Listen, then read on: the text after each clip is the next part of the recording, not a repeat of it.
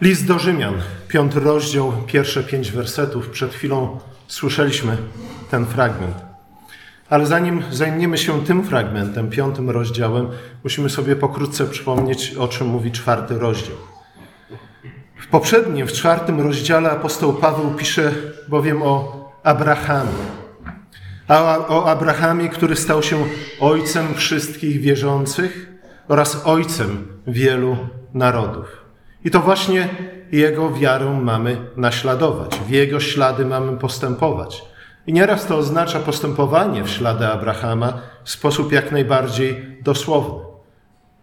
To opuszczenie czasami polega na, to postępowanie w ślady Abrahama czasami polega na opuszczeniu tego, co znane, co miłe, co dobre, po to, aby udać się tam, gdzie Bóg nas wyzywa.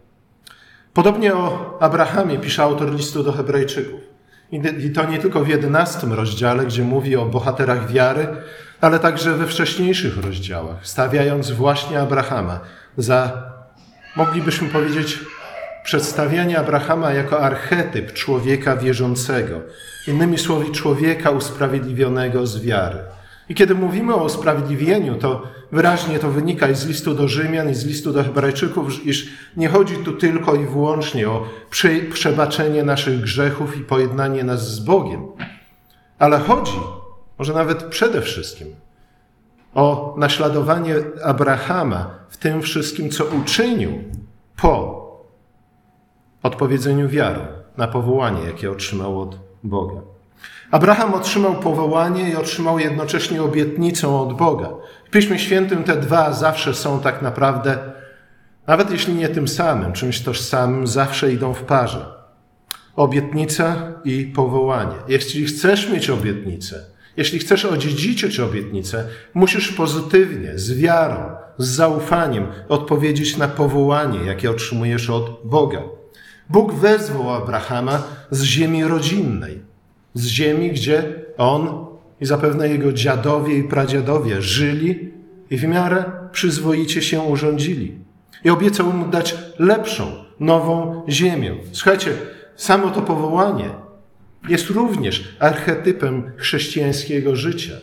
Często jest w naszym życiu tak, że dobrze nam jest tu, gdzie jesteśmy, dobrze jest nam z tym, co jesteśmy. Boimy się tego, co może przynieść przyszłość. I niewątpliwie często przyszłość przynosi rzeczy, które nie są do końca miłe. Ale jeśli będziemy za wszelką cenę trzymać się tego, co mamy, albo tego, co było, i spróbować wskrzeszyć to, co było w tej samej formie, nic z tego nie wyjdzie. Nie na tym polega życie chrześcijańskie. Dlatego Jezus mówi, że nie należy wlewać nowego wina w stare bukłaki. Abraham odpowiedział na, tę, odpowiedział na to wezwanie, na to powołanie, uwierzył w obietnicę, opuścił kraj swoich ojców, udał się w nieznane. Albo może powiedzieć, powinniśmy powiedzieć, w to, co znał tylko i wyłącznie z obietnicy, jaką Bóg mu dał. Bóg powiedział Abrahamie: To ci dam, tobie i twoim potomkom. Abraham jeszcze tego nie miał, jeszcze tego nie widział, znał to tylko i wyłącznie z obietnicy, ze słowa, które Bóg do niego wypowiedział. A jednak Abraham już w tym momencie uznał to za pewne i prawdziwe.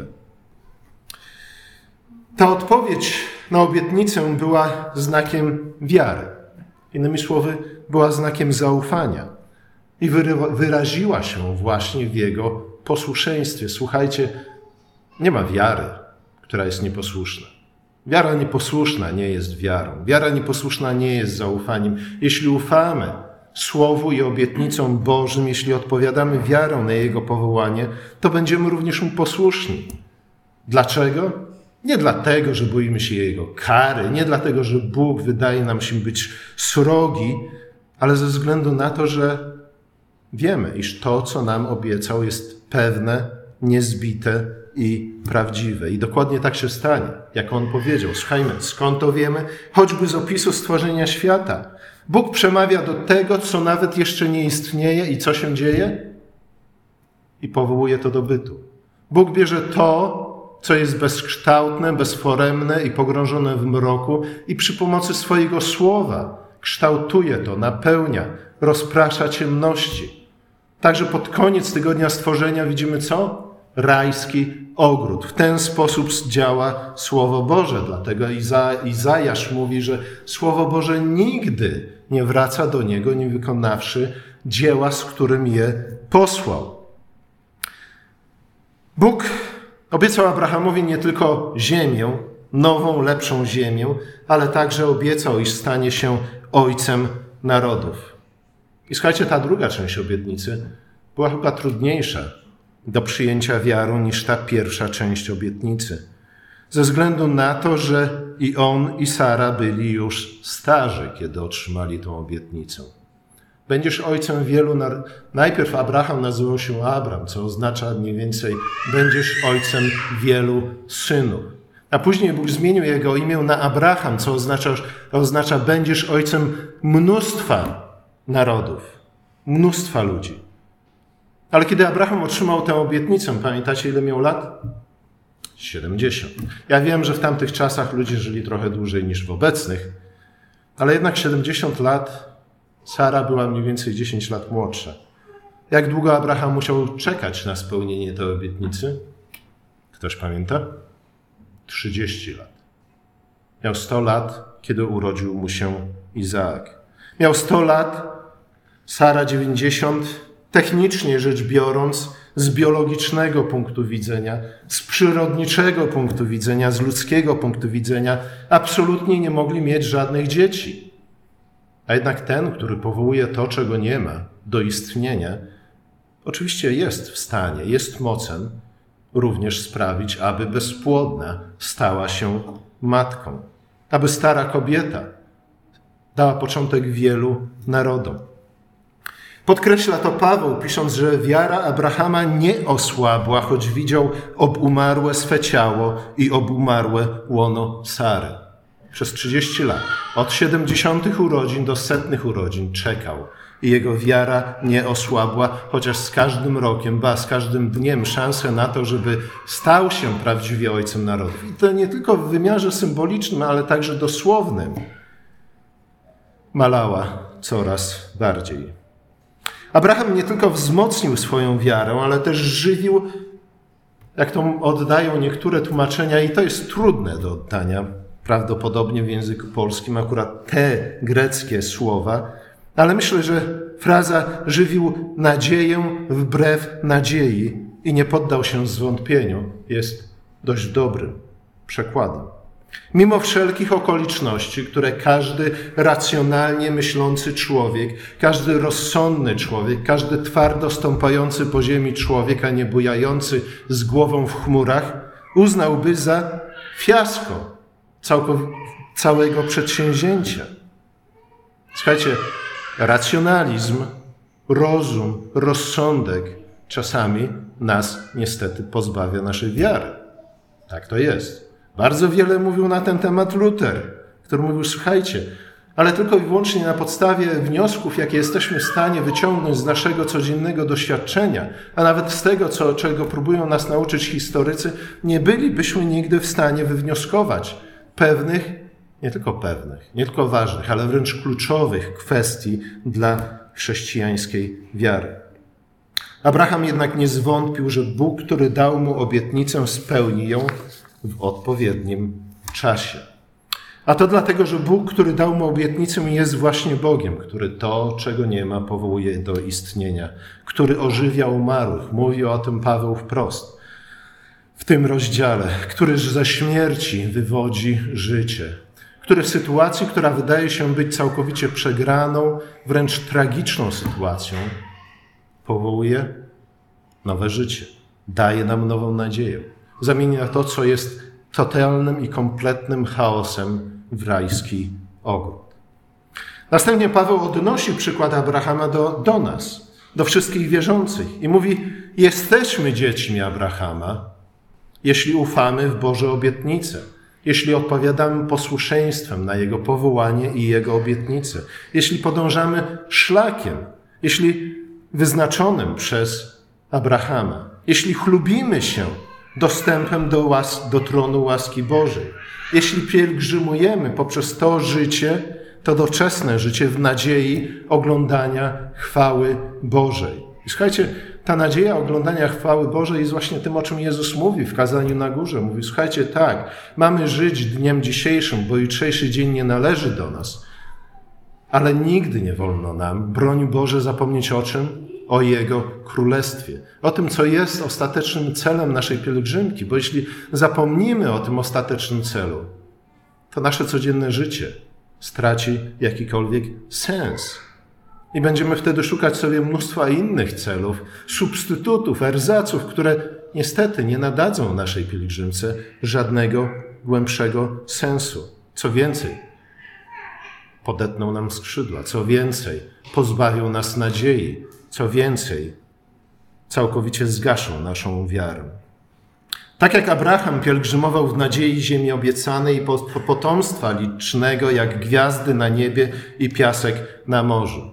I autor listu do Hebrajczyków wyjaśnia nam, że oczywiście tak, ziemia obiecana była prawdziwa i to była prawdziwa obietnica, podobnie jak jego biologiczne potomstwo, ale mówi, słuchajcie, ale to jednocześnie był symbol, to jednocześnie był typ czegoś większego, czegoś ważniejszego, czegoś, co zdecydowanie wykracza poza wymiar egzystencji pojedynczego człowieka, a nawet całych narodów. Pielgrzymował bowiem do miasta niebiańskiego. Moglibyśmy powiedzieć do Królestwa Bożego. To ono, to myśl o nim, to nadzieja na nie, to wiara w to królestwo jest tym, co pozwala nam przejść przez tą ziemską pielgrzymkę i nie stracić wiary. I pielgrzymujemy podobnie jak Abraham, mimo okoliczności, które same w sobie niechybnie złamałyby naszego ducha. Któż przy zdrowych zmysłach o własnych siłach mógł, mógłby znieść to, co musiał znieść Abraham?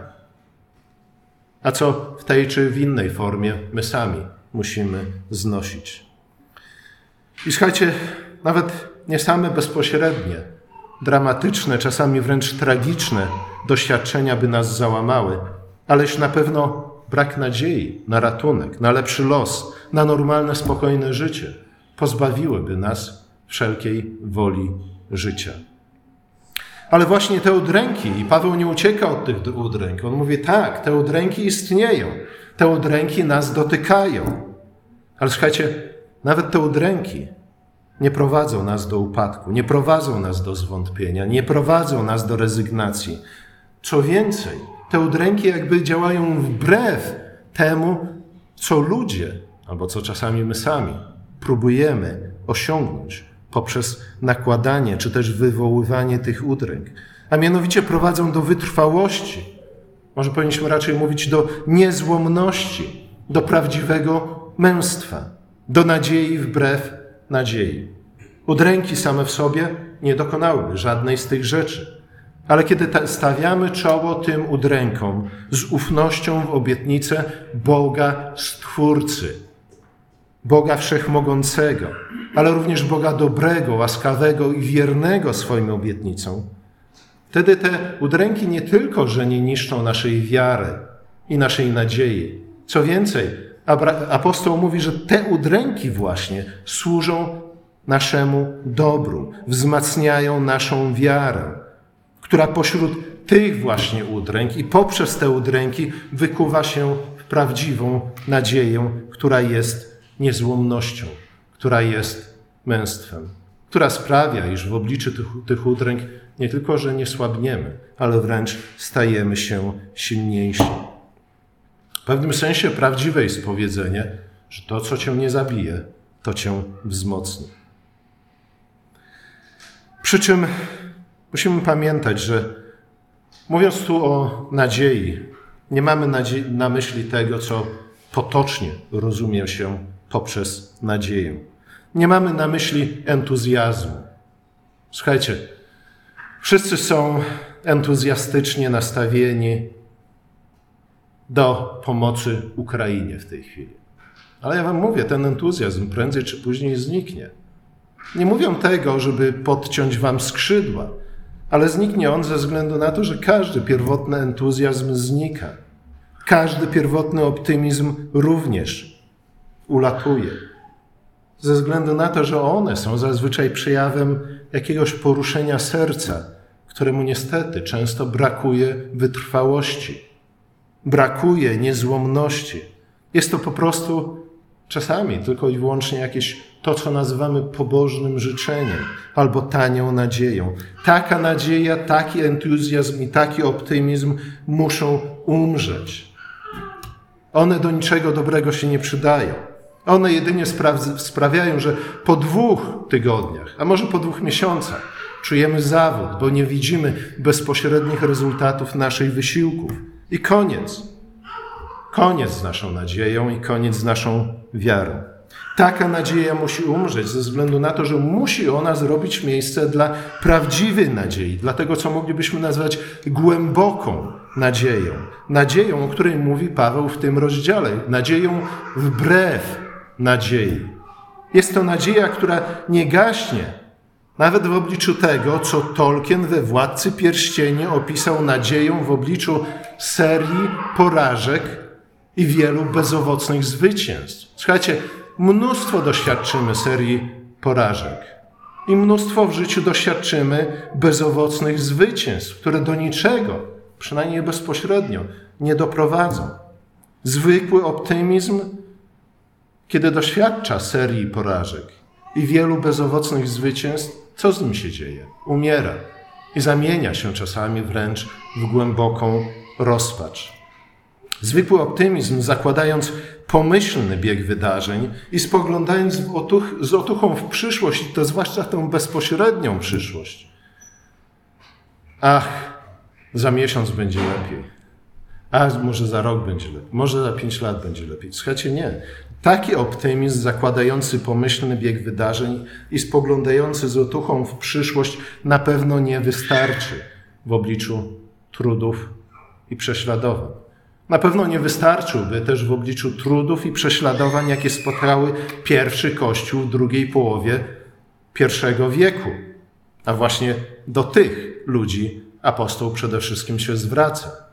Pisze do Rzymian. A wiemy, co stało się niedługo po tym, jak napisał ten list w Rzymie za Nerona i kolejnych cesarzy rzymskich. Kto nie pamięta, niech przeczyta jeszcze raz Quo Vadis. Słuchajcie, Taki optymizm nie wystarczyłby, żeby chrześcijanie pierwszego wieku, a także wszystkich następnych wieków, poszli na śmierć ze względu na wiarę, ze względu na obietnicę, ze względu na powołanie, które Bóg dali, Bóg im dał, ze względu na to wieczne miasto, które jest naszą nadzieją, ze względu na nadzieję oglądania chwały Bożej. Nie złożyliby w ofiarze ani własnego życia, ani tym bardziej cudzego życia, ani tym bardziej życia swoich bliskich. Słuchajcie, czasami łatwo nam przychodzi, może zwłaszcza nam, facetom, ryzykować własne życie, ale zaryzykować życie żony i dzieci, również tego wymagały prześladowania pierwszego kościoła, a także wielu chrześcijan od tamtego czasu. Koniec końców żaden człowiek nie jest w stanie wykrzesać w sobie takiej nadziei. Jej źródłem jest, jak pisze apostoł, miłość, jaką nas Bóg umiłował i napełnił nasze serca dzięki Duchowi Świętemu, którego otrzymaliśmy. Skąd wiemy, że tak rzeczywiście jest? Paweł dopowiada, mówiąc jak zwykle o Chrystusie, a to, i to zwłaszcza o Chrystusie ukrzyżowanym. Mówi, słuchajcie, przecież On umarł za nas, kiedy byliśmy bezsilni. Ba, on umarł za nas, kiedy byliśmy bezbożni, kiedy byliśmy wrogami Boga. On umarł za nas, mimo, a może właśnie dlatego, że krzyczyliśmy, krzyczeliśmy wraz ze wszystkimi zebranymi na placu, pałacu Piłata: Ukrzyżuj go, ukrzyżuj go. On właśnie wtedy dla nas umarł. Skoro mimo naszego grzechu, mimo naszego buntu, mimo naszej wrogości, mimo tego, że zabiliśmy Pana chwały, On jednak za, za nas umarł. To, konkluduje apostoł, tym bardziej teraz, kiedy jesteśmy pojednani z Bogiem, dzięki Jego śmierci dostąpimy pełni zbawienia i będziemy oglądać chwałę Boga. Słuchajcie, to jest tak naprawdę jedyny grunt, jedyny fundament, na którym możemy oprzeć nasze życie. To jest jedyna nadzieja, która jest prawdziwą nadzieją. Chrystus ukrzyżowany. W nim widzimy zarówno miłość Boga względem nas, ale także moc Boga wobec nas, a także zwycięstwo Boga nad wszelkim złem, jakie sprowadziliśmy na naszą ziemię. Amen.